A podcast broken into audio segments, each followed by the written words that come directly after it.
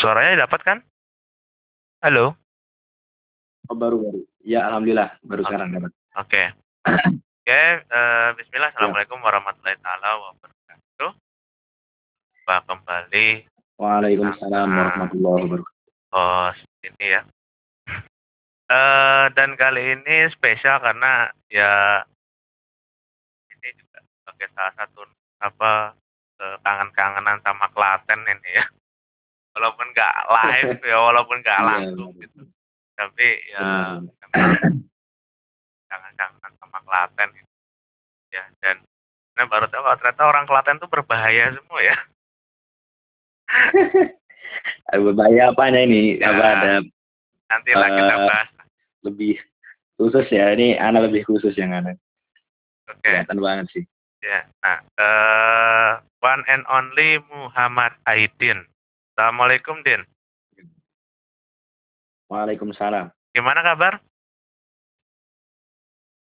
Alhamdulillah. Sehat-sehat. Oke, Sehat alhamdulillah. Alhamdulillah. Ini Aidin kan bukan Aidit. Iya, Aidit bukan Aidit. Oke, bukan Aidit. Banyak sih yang mirip-miripin juga. Emang Enggak, mirip Aidit. mirip apanya ya? Jangan, jangan- mirip apanya ya? Ini ya. Iya bener. Ya, nanti cobalah kita kita coba bandingkan head to head fotonya gitu antara foto Aidin sama fotonya Aidit. Kalau sama berarti tanda-tanda. Ya enggak ya. Ya bisa ini. Dulu apa? Dulu ya kalau mau disamain ya paling suka aja gitu dulu sama yang kiri-kiri gitu. Oh iya toh? Ini sih. Udah enggak, sekarang udah enggak rame. Oh, gitu. udah enggak. Tapi dulu pernah. Bikin itu iya. Oh sering dulu. Bisaan orang-orang. Waduh, Aidit. berbahaya ya antum ini ya. Gawat, gawat. Gawat dikit lah. Wah, gawat dikit. Oke. Nah, eh Ana sebelumnya kan sudah apa ya mencoba meriset ya antum ini. Jadi ya sebenarnya ya Ana tahu-tahu dikit lah gitu. Jadi kalau yang Ana dapat antum ini eh apa ya orang yang eh, maniak sejarah. Jadi sejarah apa aja dipelajarin gitu. Bahkan katanya udah mau nyerempet-nyerempet ini, nyerempet-nyerempet eh ke ini filsafat. Ah iya benar-benar. Itu jadi gini. Ya dari kecil kan suka baca buku gitu ya dari kecil Mm-mm. suka baca buku. Dari SD juga ini nggak apa ya tanda kutip nggak lazim gitu. Apa orang peran saya itu baca baca komik baca apa apa dulu yang ini novel juga ya novel novel Ya kurang Nah, lebih begitu lah. udah bahas ini malah dari kelas 3 kalau nggak salah itu. Udah sejarah juga. Nah, itu habis itu mulai ke masuk ke Bogor itu mulai lagi. Sejarah Hmm. lagi itu ketemu ah, temen yang suka sejarah. Nggak tahu itu juga mulai suka mikir itu ya filsafat filsafat itu mbak. Sebangsanya itu baru masuk sih baru tertarik. Oke, eh, sebentar. Eh dulu pertama kali belajar apa eh, belajar sejarah tuh sejarah tentang apa? sejarah perang perang dunia pertama kedua Pertama, itu kedua. dulu Kenapa kenapa itu? Apakah karena Iya. memang itu sejarah yang famous atau gimana? dulu selain ya famous sih famous juga di kalangan SD ya teman-teman SD juga bicarain gitu ya ikut-ikutan lah. Habis Hmm, itu apa ada film-film juga dulu tuh film eh Animate the Gates tuh yang film perang dunia kedua tuh. Iya. filmnya Soviet. Ah. Habis itu ada apa tuh yang ada film Hitler bunuh dirinya itu lah yang itu yang buat tertarik itu makin ini lagi. Makin suka sejarah gitu dulu sampai sekarang iya Tapi Hmm, dulu- Oke. Eh, lebih dominannya sih khususnya fokus ke perang dunia kedua, perang dunia pertama gitu. Oke. Kalau perang dunia, eh, bu, kalau perang yang kuno gitu, zaman Rasulullah paling di TPA itu. kalau yang di sekolah akademi nggak nggak dibahas soalnya.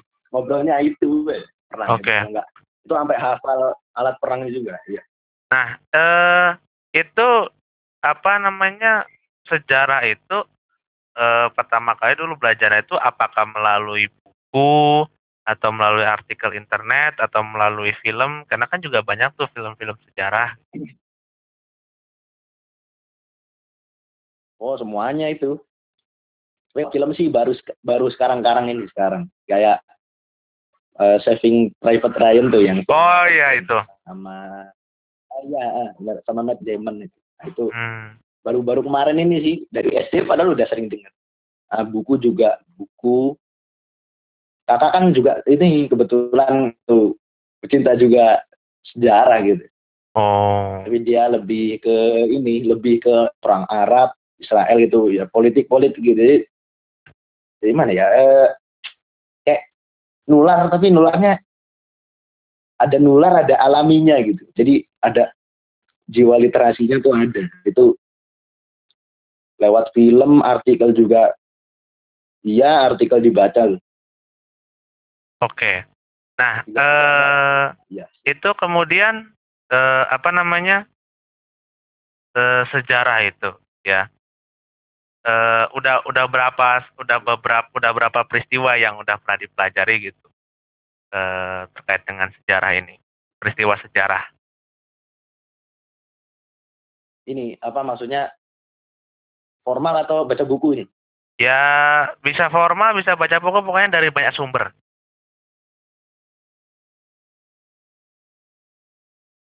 Berat. Ini sih apa ya ini sejarahnya udah mulai luntur soalnya ini di gara-gara di rumah. oh Ya paling ini eh, eh, sama fokusnya ke itu sih tadi yang nyerempet tadi itu mikir itu lisiknya itu sekarang. Cuma ya yang inget ya perang dunia satu juga itu udah udah mulai lupa ya astagfirullah. Waduh. Gara-gara udah males nih. Padahal di sekolah juga ini. Kalau perang dunia kedua tuh kayaknya masih inget. Hmm, perang dunia kedua. Hmm, nanti awalnya ada apa kapal perang yang mulai perang dunia kedua itu yang dari Jerman itu. Lupa juga namanya itu gara-gara ini nggak suka ngecek sejarah lagi. Hmm. Eh, paling lihat-lihat Soviet gitu terakhir-terakhir ini. Oh. Soalnya Soviet kan lebih eh, ada kan komunis. Nah basicnya itu eh, Ana juga pelajarin komunisnya itu.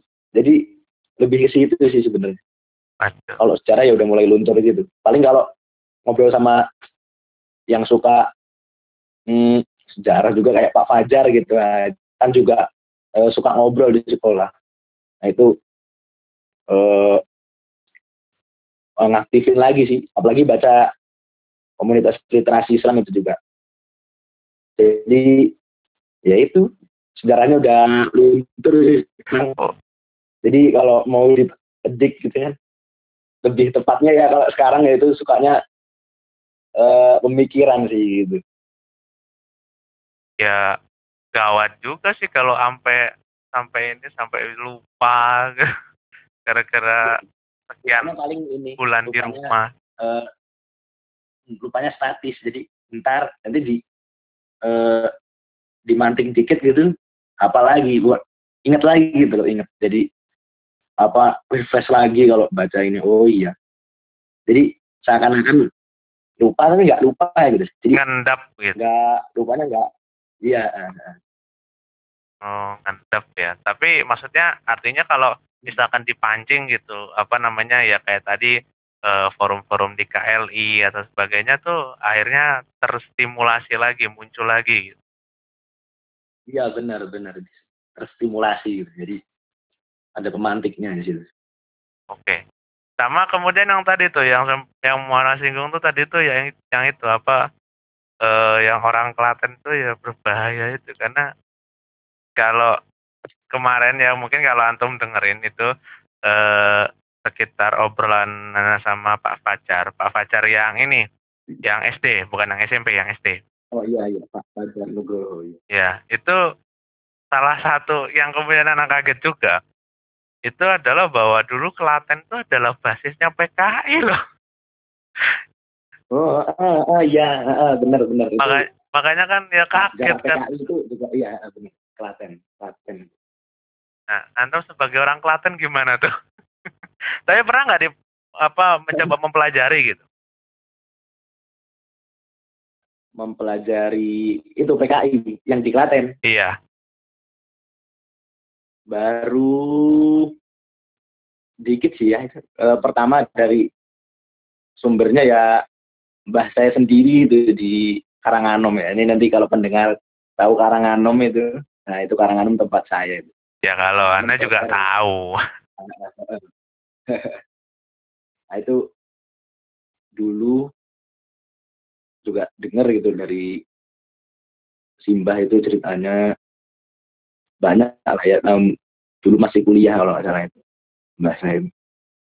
So, kalau yang itu sempat baca juga itu bukunya namanya eh, Matine Gusti Allah itu eh sejarah PKI itu ini ya maksudnya universal gitu jadi di seluruh dunia ini Mm-mm. itu tangannya sastrawan Taufik Ismail. Nah itu di salah satu eh, halamannya itu, nah di situ dibahas Klaten itu. Jadi dulu ada di wilayah ini eh, Pedan tahu Pedan kan? Tahu? Tahu Mas Afik. Nah di Pedan itu dulu ada ceritanya pemuda Marhainis. Marhainis kan Ini apa alirannya Soekarno? Ah, alirannya Soekarno itu apa namanya lupa tuh definisinya. Nah itu ada di situ tuh itu kan markasnya PNI kalau ada PNI. Iya. Ya itulah semacam itu. Nah itu ada PKI nyerbu apa dikeroyok gitu. Nah itu eh, dibunuh. Tapi dibunuhnya tuh eh, pakai palu bukan di di palu eh, kepalanya tuh di ditancapin paku rel terus di palu Hmm. itu sambil ngomong gini tapi artinya itu gini artinya tuh kok banteng mati banteng kok nggak pakai tanduk gitu? Jadi ninggung ini ninggung marhenisnya gitu ninggung awalnya ya serem-serem cuman ya gimana gitu? Kaget juga di Klaten ada begitu. Ya Juga mungkin mungkin karena memang ini kali ya apa eh kalau dulu kan kalau yang anak tahu ya kalau yang anak tahu itu kan eh kalau afiliasi politik itu eh ada dua gitu. Mungkin tiga tapi kemudian ya yang satunya ini kan nempelnya ke salah satunya gitu. Ya, eh, ada golongan Islam ya yang diwakili oleh Masyumi, NU, Muhammadiyah dan sebagainya. Sama yang kedua golongan nasionalis komunis.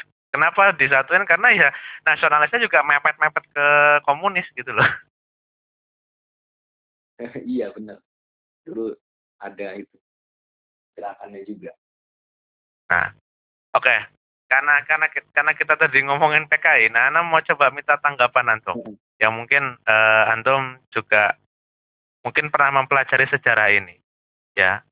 Terkait dengan G30S. Ini lagi terpantik gara-gara ini bulan September atau gimana ini? Nah, enggak, Bulan September karena karena kemarin kan apa ceritanya karena habis nonton melawan lupanya Metro TV soal siapa? Ahana Sution, soal Ahmad Yani dan Oh, sebagainya, terus Pierre Tendean dan sebagainya. Ya ada ada banyak lah gitu. Intinya ingat wah apa kalau sejarah gini ya udah bahasa G30S aja. Apalagi kan iya Eh, ini kan memang peristiwa besar. Nah, kalau Anda mencoba untuk menggali, ya, eh, karena kan ada ada satu stigma yang dibuat oleh rezim Orde Baru bahwa PKI itu pure yang salah, gitu. Iya. Sehingga kemudian eh, kalau dulu mungkin sekarang juga masih berlaku eh, anggota PKI atau yang berafiliasi dengan PKI dan keturunan-keturunannya itu itu nggak bisa jadi PNS kalau nggak salah gitu. Hmm. Nah, menurut Antum, apakah benar stigma dari dari Orde Baru ini bahwa eh, PKI itu yang pure salah atau justru ada pandangan lain? Jadi PKI murni salah gitu. Iya. PKI ya, PKI murni salah.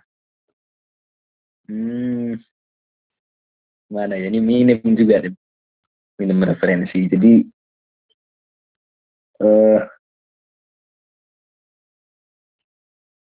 uh, kurang tahu sih itu tanggapannya ya mau salah kalau salah pelakunya PKI salah ya salah cuma kalau ya mungkin petani yang dihasut pas itu mungkin ya dulu kan ada mau bangun angkatan kelima gitu angkatan buruh dipersenjatai ya gitu kan tahun 65 itu. Hmm. nah itu pelakunya itu kan dia yang melakukan tapi yang terhasut tapi nggak tahu apa-apa juga mungkin mengira ah, Islam kan juga ngajarin begini mungkin komunis ini. Jadi ah, iya begitu. Emang gitu pikirannya orang awam ya orang kampung orang desa gitu kan gitu Nah, tapi kalau anaknya, kalau anaknya itu, anaknya turunannya, ya, ya stigmanya gimana gitu. Kayak, kayak kan semacam gini, ada orang non muslim kafir lah orang kafir punya anak, itu zaman Nabi juga ada, masa nggak boleh jadi ini, nggak boleh apa tadi kata Mas Afif jadi PNS. Eh, PNS. Nah, itu, uh, Nah, itu kan kayak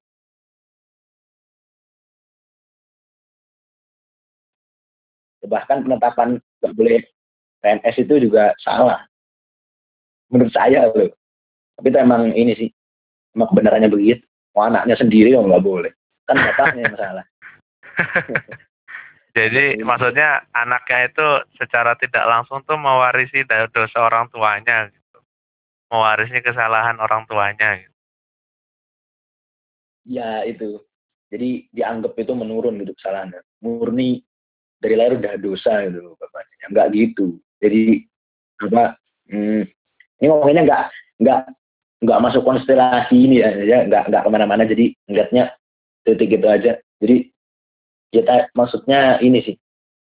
Uh, uh, jadi anaknya itu kan kalau anaknya anaknya tetap ngikutin paknya lah baru hmm. gembor-gemborin aneh-aneh lagi ya itu bang. Tapi kalau anaknya uh, dia nggak tahu apa-apa gitu ya sejarah bapaknya ya sejarah aja. Mau dikenang ya dikenang aja. Nggak diikuti gitu. Nah itu itu yang diapresiasi itu di situ dan jangan diberi stigma yang negatif nggak boleh PNS nggak boleh kerja nggak boleh jadi uh, aparat sipil gitu misalnya. Nggak boleh ya sekarang sekarang kan rame gitu. Iya. Tentang bapaknya ini. Padahal dia sendiri gembor-gemborin gitu. Ya pilih kasih aja ke mana-mana kan. Ya tadi itu dia nggak salah. Malah jadi ke mana-mana stigmanya oke. Okay. oke. Okay. kita nah, sih.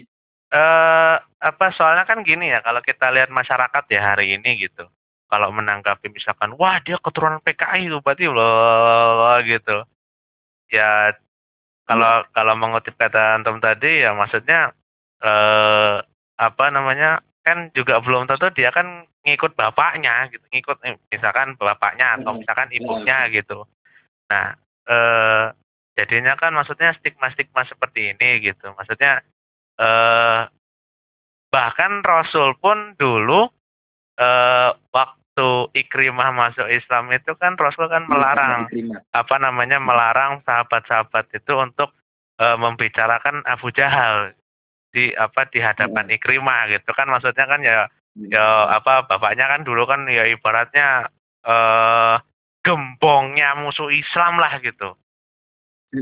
Ya, Tapi kan ya tidak ada yang tahu hidayah kan gitu. Akhirnya kan Allah ngasih hidayah ke anaknya kan Nah, kemudian anak akan coba kasih beberapa statement-statement sejarah. Anak coba minta tanggapan dari antum sebagai yang pernah mempelajari sejarah. Ya, ini uh, mungkin bisa jadi beberapa referensi lah gitu. Yang pertama hmm. adalah uh, soal dulu pernah nggak dengar soal PRRI? RRI nggak mendalami sih. Oh, nggak pernah nggak, mendalami. Oke oke itu cut ya. ya. Yang ini cut. Hmm. Uh, ini peristiwa 98. Ya. Ada yang mengatakan begitu. Ada yang mengatakan iya. bahwa uh, peristiwa 98 ini tuh sebetulnya by design. Kenapa? Karena dilihat uh, dari peristiwa-peristiwa sebelumnya bahwa Pak Harto itu sempat dekat dengan kalangan Islam, dengan kalangan ulama. Gitu.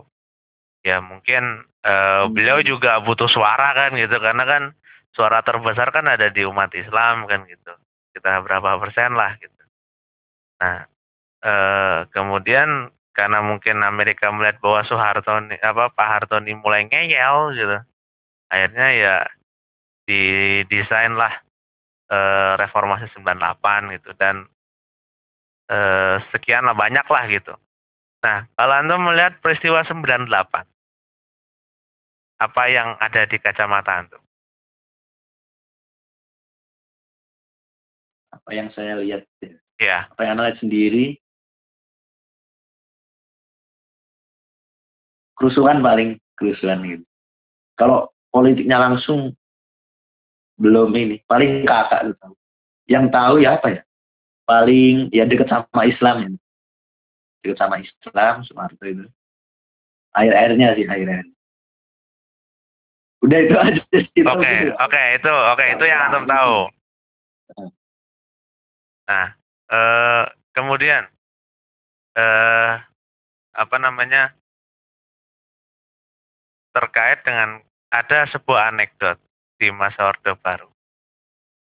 Kalau kalau an, apa misalkan kalau anda um, ibaratnya nggak ibaratnya nggak sengaja lah gitu, nggak sengaja mengkritik rezim Orde Baru, ya itu besok tahu-tahu tinggal nama aja.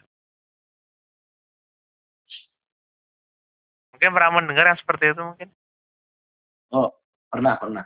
Pernah. Nah, Uh, mungkin nanti ada ceritanya atau mungkin pernah diceritain siapa gitu? Sedikit-sedikit berbagi cerita lah. Hmm. Orde baru ya. Kalau yang di Aceh sih pernah dengar acara. Itu Aceh. Hmm. Pingam ya itu. Boleh nggak nih? Ya silakan. Yang silakan apa ya ceritanya? Pernah dapat cerita apa ya yang hilang gitu? Eh. Karena sih tahunya yang di GAM gerakan Aceh Merdeka itu gara-gara hmm, ada saudara cerita gitu. Jadi eh, dulu tuh dia kan kerja tuh kerja di Aceh. Kalau salah udah suami istri kalau salah ya Nah itu saudara itu di Aceh uh, lagi ya hampir tiap malam itu. Ada ini baku tembak. Hmm. malah sampai ceritanya tuh uh, harus tengkurap gitu. Sampai sampai tengkurap itu gara-gara bahayanya saking bahayanya malam-malam itu ntar orang udah tergeletak di jalan gitu Hmm. Nanti bahkan tentara juga nggak nggak luput dari menggerakan Aceh Merdeka itu, Gam. Jadi sampai nunduk jendela itu yang bikin ngeri saya itu di situ. Saking ngerinya gitu. Nah, ngeri, ngeri, saking ngerinya begitu. Tapi kalau yang 98 gitu, orang hilang, kurang tahu sih. Belum ini. Soalnya minim mana ya saudara-saudara juga nggak ada ini nggak ada cerita juga. Oke. Gitu. Nah kemudian eh, tentang beberapa aktivis kemanusiaan yang hilang. Di antaranya adalah Munir Said Talib. Munir. Hmm, Munir Munir. Eh, dan kalau nggak salah lu juga pernah bikin tulisan tentang Munir ya kalau nggak salah Oh, belum Munir. Yang yang ini mah Tan Malaka itu. Oh ya Tan Malaka itu ya. Nah, nah, nah kalau kalau menurut antum mun, apa Munir itu gimana? Munir Munir tahu dikit sih. Munir itu eh uh, gimana tanggapan tentang gimana tanggapannya? Ya, tanggapan ya tentang tentang, tentang penghilangannya, tentang atau mungkin apa ya berkaitan dengan hilangnya dengan mat, kematian Munir lah gitu.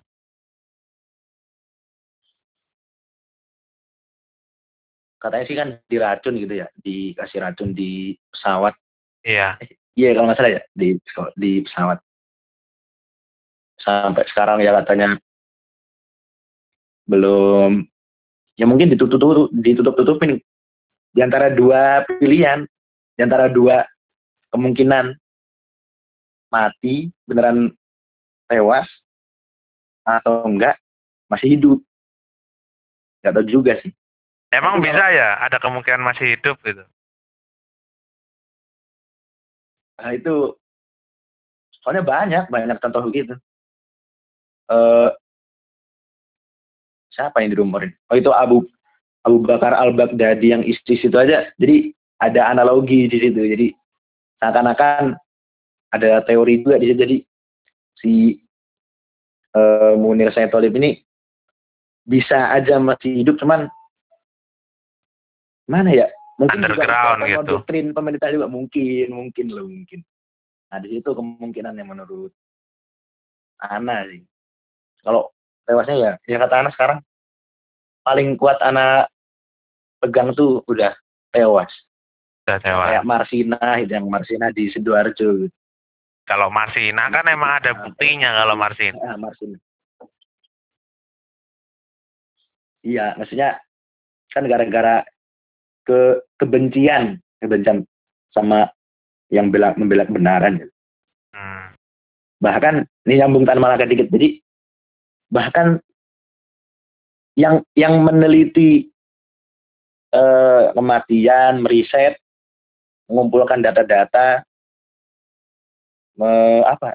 Jadi uh, men, me, ibaratnya orang yang pengen tahu aja gitu. Uh, uh, uh, itu sama Harry Albert Post itu sejarawan asal Belanda.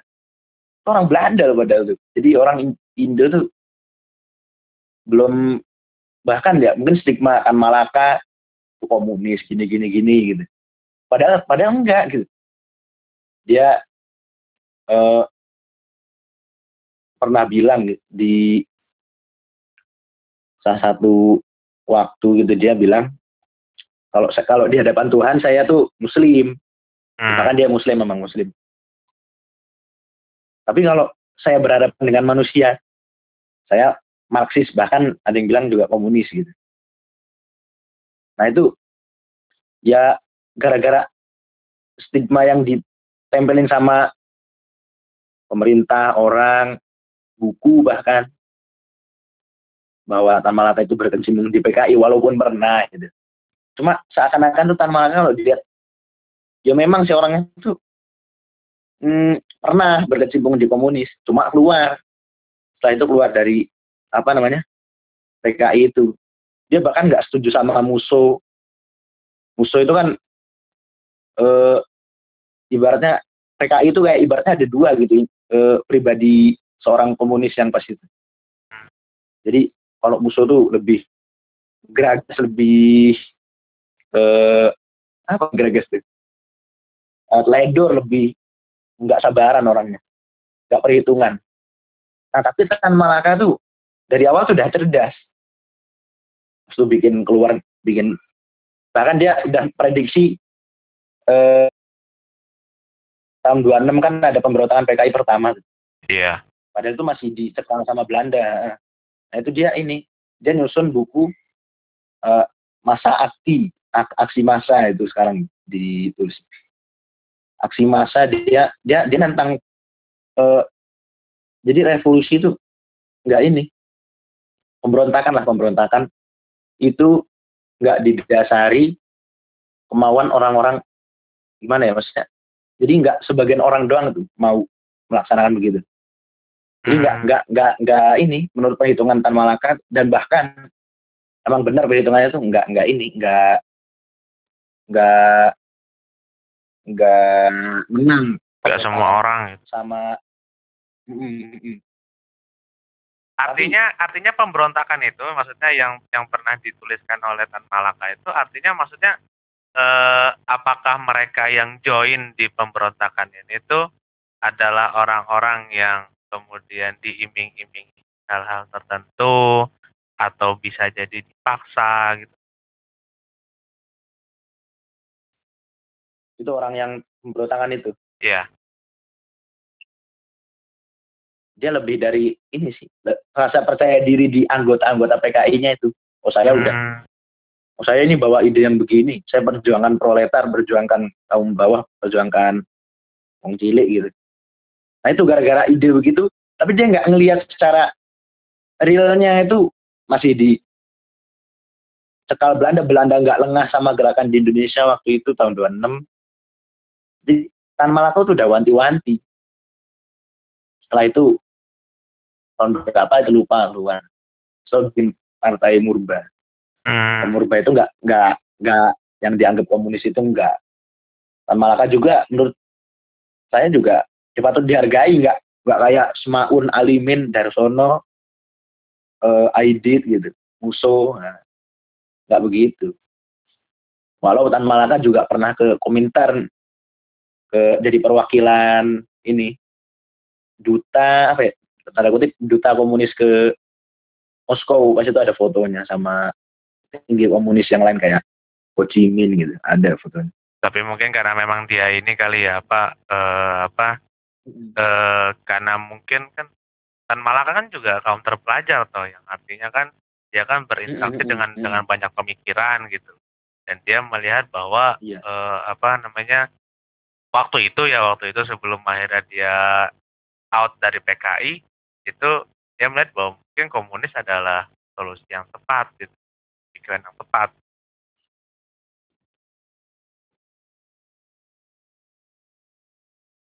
Bisa jadi kan? Iya nah oke. Okay. e, kalau di Brownslog Podcast ini e, setiap materi itu pasti akan dikasih pertanyaan yang berat-berat tentang dunia hari ini. Ya. Jadi kita mulai dari satu pertanyaan yang uh, sering Anda ajukan di apa di berbagai episode. Menurut antum ada apa dengan dunia hari ini? Dengan dunia hari ini? Iya. Uh, dunia ini lagi sakit gitu ya, lagi sakit secara pemikiran, secara perekonomian, secara dunia sosial, secara rohani, secara uh, kepercayaan juga luntur gitu. Udah sih gitu aja. Cuman ini gara-gara analisisnya ini Syekh Taqiyuddin Anabahani juga. Jadi ngikutnya dari situ. Kalau mungkin anak nggak pakai analisis itu, mungkin nggak nggak menyimpulkan dunia ini sakit gitu. Oke. Okay, okay. Jadi dapatnya dari jauh. Nah, uh, kemudian ketika COVID-19 ini kan kita kan apa sekarang kan masih di masa-masa pandemi ini. Dulu waktu virus ini masih di Wuhan, nyangka nggak kalau bakal sampai ke sini? dulu tahun awal 2020 nyangka sih karena bakal ke Indonesia hmm. pertama gara-gara virus. Virus itu kan nyebar dari orang ke orang dari dari lingkungan yang nggak sehat. Jadi ya dari awalnya orang-orang lengah gitu. Apalagi pemerintahnya lengah. Bahkan bilang itu dulu dibilangnya nggak bakal datang ini juga. Apa tuh yang bisa negah itu apa uh, wedang wo terus apa ya minum iya. jahe gitu. Ya walaupun ya jadi kalau melihat kimia jadi melihat obat gitu kan di Indonesia juga kena stigma juga jadi oh yang kayak muncul di radio dia itu oh, ini bisa nyembuhin ini ini ini. Nah kalau gitu udah udah ada jamu udah ada ramuan dari mbak ini dari klinik ini kenapa ada dokter sekarang? Nggak usah dipain undip UGM gede-gede itu nggak usah bayar mahal-mahal udah di samping rumah iklan udah di. Tapi kan nggak begitu juga jadi eh, eh, eh, kesehatan ya dunia kesehatan ini kan ada sisi baiknya ada sisi buruknya. Ada sisi buruknya itu yang ngaturnya itu yang ngatur sekarang siapa? Otak di balik mungkin ada yang bilang ada konspirasi macam-macam. Nah itu di balik eh, di balik otak yang covid ini apa jadi lupa ya? Nah tadi tadi sebentar, uh, kan tadi kan antum kan juga mengaitkan dengan konspirasi. Nah antum percaya nggak ada konspirasi konspirasi konspirasi yang ada? Kayak contoh uh, this is by design gitu apa dari Amerika lah, dari China, dari Israel, macam-macam. Hmm, enggak sih, enggak percaya. Karena? Tapi pertanyaannya, kalau kalau kalau nggak percaya, ini sebagai eh, sebagai azab gitu enggak enggak percaya. Cuma kalau ini Cuma kalau ini sebagai apa ya? Hmm, dari ujian pergerakan kaum nah itu kaum elit gitu. Ya emang emang benar ada tuh kayak uh, keluarga Rothschild gitu. Kayak kaum elit. Nah itu orang kan otak kapitalis itu jadi ini kemungkinan gitu. Bahkan eh, udah berapa sekarang katanya ini sebagai uh, alat ya covid ini sebagai alat untuk men, uh, menumpas orang-orang bodoh gitu misalnya di dunia ini jadi tinggalnya jadi kayak pemulihan gitu kayak kan 1920 juga tuh ada tuh flu di Spanyol kalau nggak salah ya. Iya. Nah, itu 1820 lagi. Nah, itu itu kalau tentang begitu ya percaya sih. Cuman nggak percayanya itu kayak orang ngapain ini tentara Allah. Nah itu soalnya ini anak lebih melihat ke orang medis sih. Jadi orang medis kan lebih paham gitu. Iya. Yeah. orang yang orang ini ini pendapat dapat anak sendiri. Ini melihat orang yang bukan ahlinya itu ya nggak ngapain juga gitu. Kalau belum terbukti gitu. Oke. Okay. nah eh kemudian dengan angka COVID yang tinggi terus meningkat, bahkan kemudian terakhir eh, Jakarta itu akhirnya melakukan PSBB yang diperketat. Ya. Hmm. Nah, menurut antum, naiknya angka kasus COVID ini, kasus positif lah atau kasus kematian, itu apakah karena apa karena masyarakatnya yang tidak uh, patuh terhadap protokol kesehatan atau karena government kita, karena pemerintahan kita yang dalam tanda kutip eh, kalau bahasa halusnya mah kurang mampu memimpin, kalau bahasa kasarnya mah nggak becus. Iya benar-benar. Ya pertama orangnya apa pemerintahnya. Ya walaupun orang ini udah berusaha nih, misalnya kalau ditilik dari uh, warga, warga sebagai warga Indonesia, kita udah, oh, udah nggak ini awal-awal tuh awal-awal oh PSBB ya ini oh, kita nggak itu social distancing, physical distancing macam-macam lah. untuk mencegah corona penyebaran virus corona. Cuma dari luar negeri malah dimasukin sama mereka masih bisa itu kan bodoh sama aja sama aja kita. Udah itu ini saking bisa jelasin bodohnya itu ya kasarnya tadi bu. Ya ibaratnya gini jadi kita tuh udah siap-siap senjata senjata udah siap tapi eh, apa namanya bodohnya tuh ada ada orang-orang tuh yang justru malah ngejebol benteng gitu. Jadi yang harusnya perhitungan kita tuh eh, persiapan segini kira-kira kita bisa menang ternyata gara-gara ada yang bobol nah jadinya ya begitu hmm. ya itu. Ini kalau dilihat dari kalau pemerintahnya becus pemerintahnya bisa memimpin itu kalau uh, warganya warga daerah yang dipimpin itu malah uh, geragas malah nggak sabar.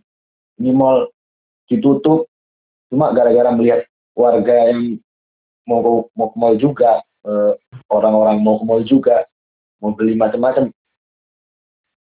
Ini sama gimana ya? Ya ada pemerintahnya salah di sisi lain tapi di daerah lain. Kalau pemerintahnya itu salah itu berarti ya salah pemerintah.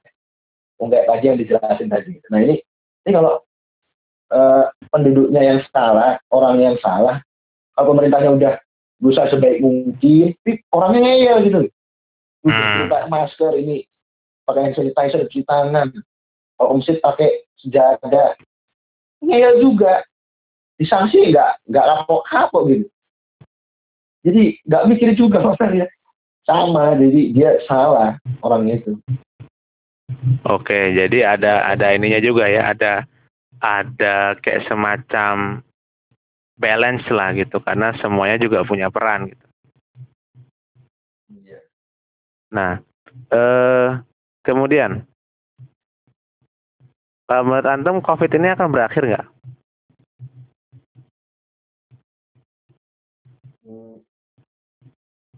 Insya Allah. Kalau kalau menurut anak pa, pasti pasti ada pasti berakhir lah. Hmm. kalau dilihat dari kalau kakak-kakak mau LKMA kan yang mau ya nah itu mana ya itu juga kemungkinan besar ya itu pasti masuk itu awal Januari itu tahun depan masuk. Terus melihat senjata yang berulang 1920, 1820 nah itu 2020 ini kan seakan-akan jadi begitu ya. Iya. Jadi terpikirkan ya, ya pasti selesai juga gitu. Berakhir ini. Tapi itu, ini loh apa uh, yang kemarin kakak-kakak kelas Santom itu tuh tak tak tanyain gini. Kalau misalnya uh, apa sampai Februari kita kan nggak tahu nih ya COVID sampai kapan kalau misalkan Februari itu kemudian e, penerbangan domestik ditut, masih ditutup, apalagi dengan kenyataan bahwa ada sekitar 50 berapa ya 59 atau 53 negara yang kemudian e, menerapkan e, travel warning lah gitu. Jadi e, orang Indonesia nggak boleh ke sana, orang dari sana nggak boleh ke boleh ke Indonesia. Nah, tak tanya, kira-kira gimana gitu? Apa mau berenang Korea gitu? iya. Kayaknya mungkin nggak kira-kira mereka berenang Korea gitu. Hmm, ya percuma aja nanti berenang di sana juga stop. Balik lagi gimana iya sih benar sih benar. Tapi kalau nggak salah Korea Selatan belum. Kalau nggak salah Korea Selatan belum kalau nggak salah ya siapa tahu kan juga udah ini lagi kan gitu. Tapi kalau nggak salah terakhir itu lihat di Instagram itu jadi Korea Selatan itu ya mengkam ya itu mengkampanyekan pariwisata itu. Ya lewat lewat K-pop K-pop itu. Kalau nggak salah lihat hmm. di di ini di mana di Instagram ya mungkin bisa dilihat lah gitu. Jadi ya itu apa eh mereka ya artinya kan maksudnya uh, wisatawan domestik dan mancanegara kan juga punya akses apa masih punya akses ke sana gitu. Ya, kita doain aja lah yang terbaik lah gitu. ya amin itu bisa Amin. udah usaha yang lihat usaha mereka ya kan nggak kelas kasihan juga masa azamnya udah kuat ikhtiarnya udah itu tapi ya semuanya kan di, di semua keputusan Allah ya cuma amin aja lah Oke. kita berdoa supaya ini supaya bisa ke sana ya kak ini Amin Allahumma. Nah, amin eh Ana kan kemarin itu kan sempat buka sesi pertanyaan ya, mau kirim pertanyaan silahkan. Nah, ada satu nih yang masuk. Ya, walaupun Ana juga nggak ngerti ini ini pertanyaan apa. Ya, eh apa namanya? Apa eh, latar belakang dari pelicin apa? Pelicin bangau.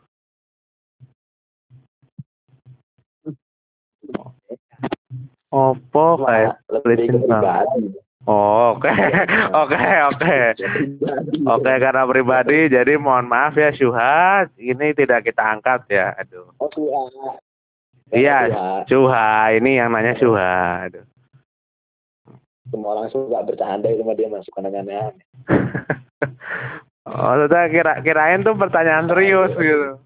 Kirain pertanyaan serius gitu. Ya, aduh. Padahal Anda menanti pertanyaan yang ini loh. Oke, aduh. hmm. eh kemudian dari sekian banyak masalah ya ini kan masalah di dunia ini kan ya luar biasa banyak kompleks nah tapi kan dari sekian banyak masalah ini kan dia kan saling berkaitan. Ya eh, ekonomi politik pen- apa sosial learn kemudian apa namanya ya eh, ada banyak lah gitu. Itu kan mereka kan eh, saling berkaitan. Dan semua ini kan pasti kan ada akar masalahnya. Nah, menurut antum apa? Akar dari masalah sekian banyak masalah yang mendera dunia ini hari ini? ini pakai analisisnya itu ya Ya bisa lah. gitu. Hmm, bisa yang pertama itu dari pemikiran yang mendasari ideologi yang mencekam dunia ini sekarang ada kan ada saya sebagai ini kan bagi tiga ada kapitalisme sosialisme komunis Islam nah ini Islam ini sekarang kan nggak ada ininya nggak ada istilahnya payung yang jadi pegangan umat Islam tuh nggak ada. Jadi sekarang umat Islam tuh kayak dikatakan tuh eh, makanan yang dikerumuni jadi di digerogoti banyak orang. Di sini diambil sama ayo ikut komunis walaupun komunis sekarang udah bukan walaupun yang mendirikan yang me- mem- mem- me- memangku. Ya menerapkan lah gitu. itu menerapkan secara utuh. Itu awal-awal doang sih itu Soviet. Akhirnya juga otaknya otak otak kapitalis juga. Nah, sekarang Otak kapitalis. Heeh. iya. Itu buktinya Lenin baru berkuasa aja udah. Bunuh macam-macam Cina aja tuh Pol Pot lah misalnya Pol Pot yang di Kamboja itu. Baru satu dua hari deklarasi kemerdekaan komunis kemenangan komunis. Itu dua juta orang tuh digiring ke sawah cocok tanam. Kalau nggak salah juga ada pembunuhan tuh. Gila nggak malah sampai sekarang tuh eh, Taufik Ismail Pak Taufik Ismail tuh cerita Iya. itu beliau sampai nangis di bukan pemakaman ya itu tengkorak gitu. Kumpulan tengkorak orang-orang dulang orang mati dibunuh.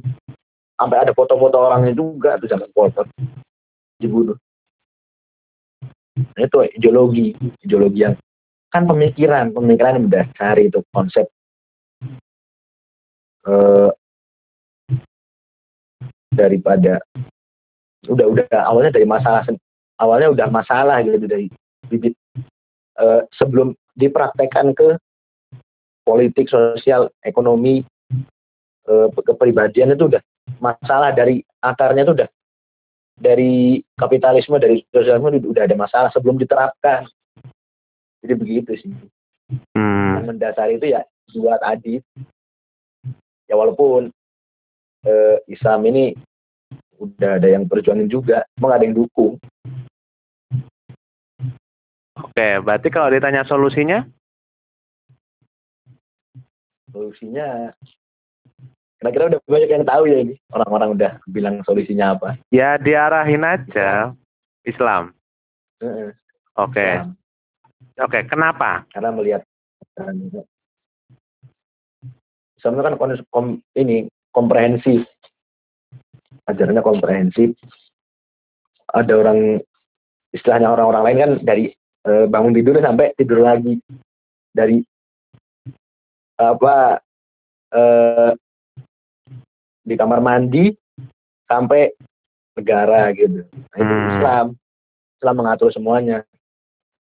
Cuma itu orang-orang ini kan belum dipahami ajaran Islam kan belum dipahami secara universal sama orang-orang Iya. jadi enggak, malah ada orang yang mencocokkan Islam sama komunisme gitu Karena dianggapnya sama gitu. kaum bawah gitu alasannya sih gitu-gitu aja tahu ini Oke, oke. Ya itu apa luar biasa sekali. nah, eh kemudian eh sebagai apa ya obrolan dikit lah gitu. Klaten gimana kabarnya hari ini Klaten? Klaten kemarin terakhir sebulan yang lalu. Ini kemarin pulang kampung dua kali alhamdulillah. Pertama gara-gara ya dilonggarin lah. Maksudnya eh, ba- bapak saya kan kangen sama bapaknya di kampung. Ya udahlah bentar aja. Nggak sampai seminggu. Hmm, harus pulang lagi. Kalau Klaten sekarang ini kalau secara kesehatan physical distancing itu nggak ada sih di kampung. Sholat rapet aja gitu. Biasa aja. Mau dilihat juga ada rasa ragu gitu mau ke masjid kok saya disuruh ke masjid gitu sama mbah saya sendiri disuruh ke masjid. Ya pas di masjid udah physical distancing. Jadi ada ada rasa nanti kalau saya pulang ntar orang-orang sini kepapar covid lagi. Sekarang nggak ada yang kepapar gitu nggak ada yang nyalain saya juga. Jadi aman-aman aja sih Klaten aman eh, pasar juga kemarin tuh terakhir kan mantau biasanya kan di Klaten kan suka naik motor naik sepeda ya. nah, itu hmm, normal, normal aja sih. jadi Klaten itu di- bisa dibilang zona beberapa jadi zona merah tuh mungkin ya itu di pusat kota kayak Masjid Al Aqsa sana lagi mungkin Klaten Utara Klaten Selatan mungkin ke daerah mau ke Jogja mungkin. Hmm, kayak daerah Delangku daerah Ceper apa Karanganom Jatinom gitu belum belum tahu sih. Tapi itu pernah lihat juga itu zona hijau. Kayak tempat tempat Ana juga itu zona hijau masuk Ceper Oh enggak ya, zona hijau. Mm-mm. Berarti kalau Anda mau ke Klaten aman nih berarti ya? enggak juga. Mm-mm. Berarti Anda mau ke Klaten aman ya berarti ya? aman insya Allah aman. Karena Aman. juga nggak dilarang. Nggak ada yang larang awalnya ngeri. Mau mau dicegat di Bandung. Kan katanya begitu. Dicegat Hmm, ini harus sana nggak boleh. Kasihannya lagi ya nggak bisa balik gitu waduh. ini ke harus ke daerah kalau nggak salah sih pernah jadi beberapa hari yang lalu beberapa waktu lalu jadi kan mau Cikarang ini kan kan di Cikarang sekarang Iya. Jadi orang-orang yang platnya D, mobilnya platnya D, dan itu banyak. Lu nggak tahu lu bisa bisa balik ke Bandung nggak tuh? Balik ke Jakarta. Nggak tahu juga deh. Mungkin urusannya panjang. Hmm, Eh, ke depan lagi, ke depan lagi nunggu bulan Juli kemarin 27 Juli pas kurban pas Idul Adha itu alhamdulillah bisa walaupun nggak lama oke. sampai hari Minggu doang itu Oke. tanggal berapa tuh Hmm. Soalnya kan ada rencana nih orang tua kan mau mau ke mau ke Klaten, insya Allah Oktober. Ya, Nah, makanya ini nanya dulu nih. Oktober, oh, Oktober ada juga ke sana lagi Oktober sama Oktober ke sana lagi. Alhamdulillah. Bisa kali ya janjian. ya. Kalau kalau ini kalau kalau anak mah di ini di Polan Harjo. Ke- Apa des apa dusun apa namanya? Lupa. Eh ini Polan Harjo dulu ada ini apa namanya kolam renang kan dari situ ya? iya, milih dulu baru itu sekarang udah nggak ada. Apa tuh? Ada kumpul apa gitu. Nah, um- um- yang terkenal umbul ponggo ada. Nah, kalau Ponggo mah udah mafhum itu mah. Ini kalau hmm, kalau kalau Mas Apik tahu tuh di Polan Harjo itu kalau nggak salah ada umbul asri itu ini masuknya tuh 3000 cuma dalamnya kayak waterboom gitu ya. Wah, di sekarang ada water gitu bener. mantap itu. Di Klaten itu murah meriah. Heeh. Ya. Di apa di Klaten tuh nyari apa aja kan Klaten kan masih sekitaran Jogja ya. Mau cari apa aja tuh murah. Ya. Hmm, Murah bener bener. Apa ya masih masih inilah masih selevel-levelnya Jogja lah kalau ngomong harga gitu. Ya yang paling yang mahal kan itu bapia yang ada nomornya, gudeg yang ada fotonya. Nah, ya kan paling yang mahal kan gitu. Yang terkenal kan soto Sop ayam Pak Min. Nah, itu yang paling Ada soto ayam Pak Min.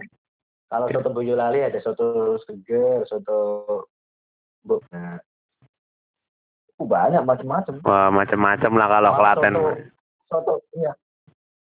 Soto ayam Pak Min itu eh, awal mulanya tempat stand pertamanya itu nggak ini, nggak nggak restoran gitu, di pinggir jalan kalau nggak salah. Hmm, Sama sekarang tuh ada di Bekasi ada di Jakarta ada.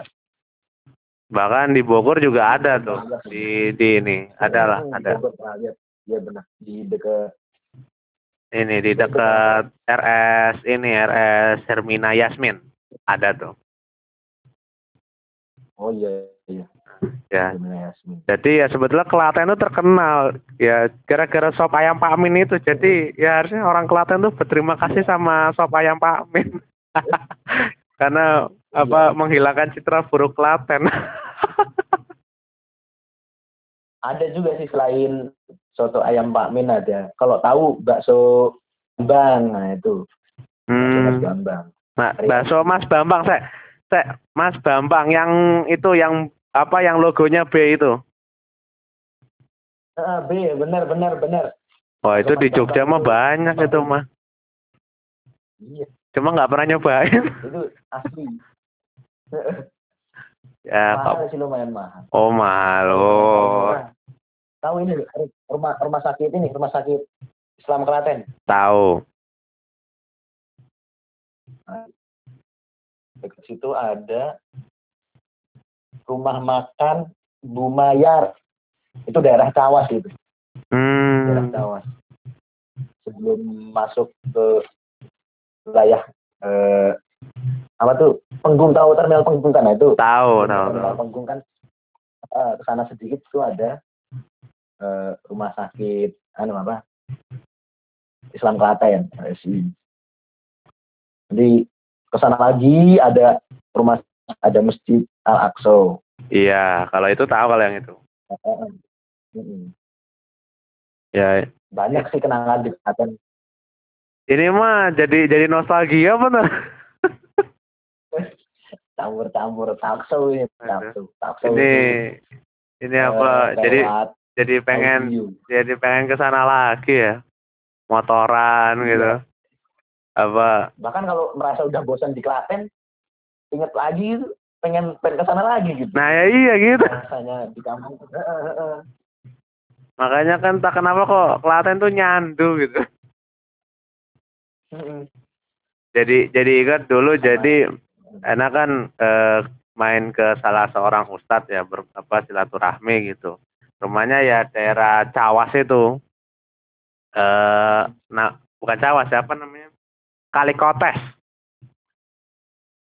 mau kali kontes Nah, nah itu apa jadi eh waktu itu kan Ana mondok di Jogja waktu itu. Ya mungkin kalau antum tahu namanya Panas Agama.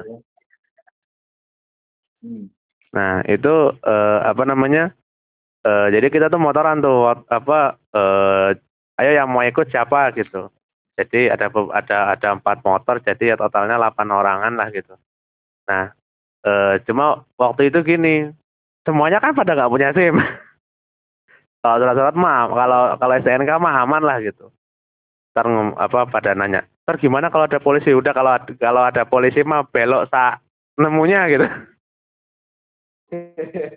Ya walaupun alhamdulillahnya sepanjang jalan apa eh kan kalau apa kalau pikiran Ana waktu itu eh kan dekat rumah sakit apa gitu. Itu kan ada ada per- ada pertigaan tuh.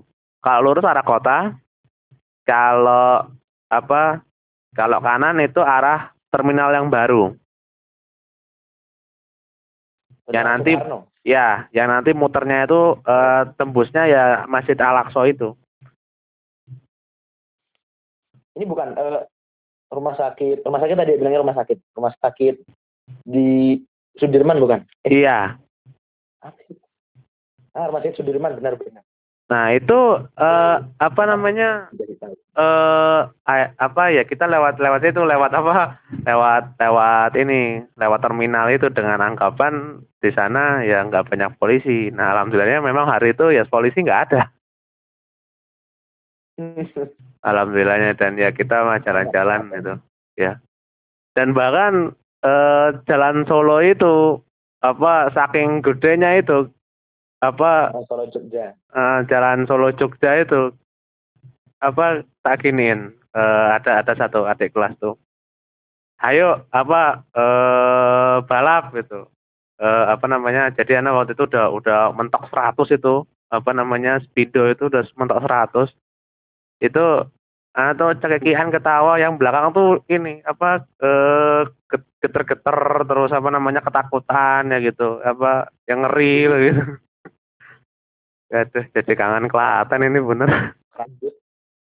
Anginnya kenceng banget kalau di Jogja Solo tuh. Kalau 100, 120 itu. Wah itu. Saya kan eh, itu di KU Muhammadiyah Langgu. Hmm. Nah, kakak itu naik motor situ. Pakai walaupun pakai helm. Gara-gara nggak terbiasa di jalan raya gede. Ke bawahnya kayak main mentah ya Allah. Ngeri juga aduh. Ya mau pegangan kakak juga udah gede. Ya, memberanikan diri sambil bergetar gitu ya Allah. Rasa banget masih keinget sampai sekarang. Gara-gara nggak terbiasa pakai motor. Tapi emang iya ya, maksudnya jalan jalan Solo Jogja tuh ya kayak jadi kayak semacam apa ya? Eh ya ajang kebut-kebutan lah. Kan di sana kan di sana kan juga lewat tuh apa Sugeng Rahayu, Eka, Mira itu kan balapan itu. Mira, Eka, ah, benar-benar itu itu yang bikin rusuh. Nah ya iya kan gitu. Legenda.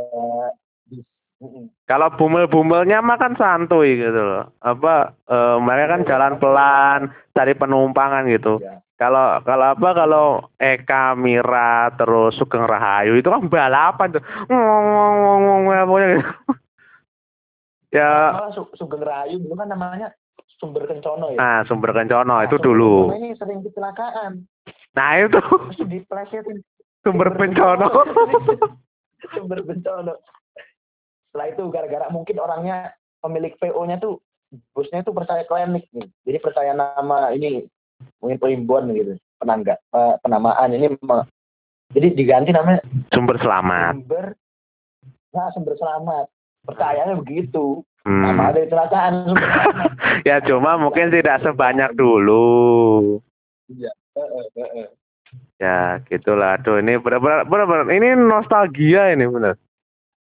ini nostalgia ini. rasanya nostalgia banget ya. Ya, eh, jazakallah khairan kasiran untuk obrolan kita sore ini. Aduh, ya Allah, kangen Klaten ini ya.